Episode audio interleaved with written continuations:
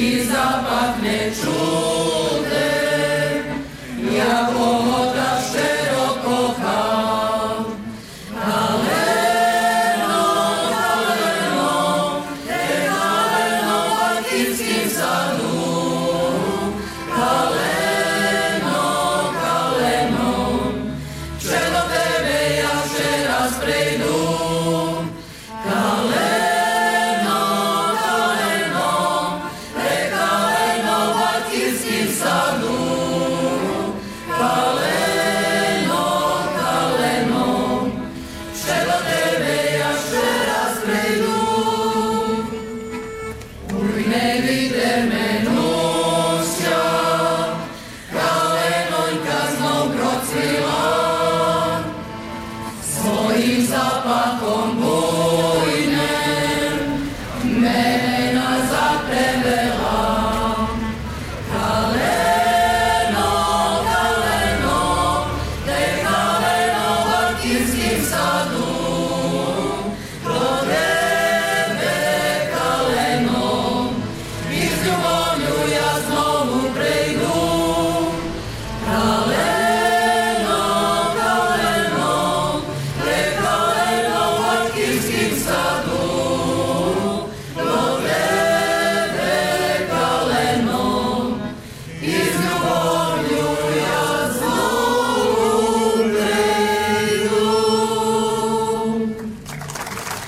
Фестиваль української культури Калина об'єднав товариства зі всіх місцевостей, де проживає українська громада, які разом із мистецькими керівниками наполегливо готувалися до виступу.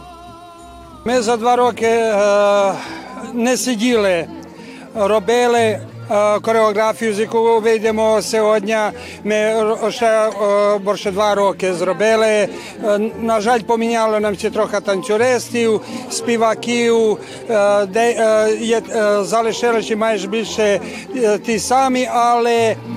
маємо багато хворих. На жаль, померло нам два активних члени, і то за три дні мали дві похорони. Так що то нам найбільша проблема тепер була. Зато ми, е, ми мали за цей час корони і знімки за телевізію робили. І сходили, чи так що нам не було не було тяжко підготувати. Чи тепер, коли прийшло, на жаль, ця корона і все вона взяла своє. В програмі маємо один новий, новий танець чарівниця, маємо гопак стилізований е, балетний, який буде е, грати наш е, хореограф Іван Салонський. Маємо дві українські веселі пісні, Катерину. Та по- поїхали хлопці. Цікаві пісні, веселі пісні. Так що то ма- репертуар маємо більше. Ми зріхтувалися за два роки чотири пісні, але вибрали цих дві, які були цікаві людям. Ми другої дороги не маємо. Це одна дорога, це дорога, яку ми мусимо дуже зберігати, дуже, дуже пільнувати, дуже підпирати всім селами, бо нам залишилося тільки е, е, товариства, які вони ще збережуть танці, які вони е, де пісня може е, е, навчитися, де молодь можемо зібрати. Навчання мови вже не цікаве ані за українські діти, бо ми то бачимо, як, як відносять наші. Все то, але каже, е, треба підпирати товариства, щоб вони робили активно, щоб вони збирали людей, гуртували наших людей. І так тільки можемо ми ще один час залишитися і, і презентувати українську культуру. Як того не буде, я думаю, що дуже живо буде кінець е, нашої культури, тобто презентування нашої культури на, на цих теренах, де тепер живемо.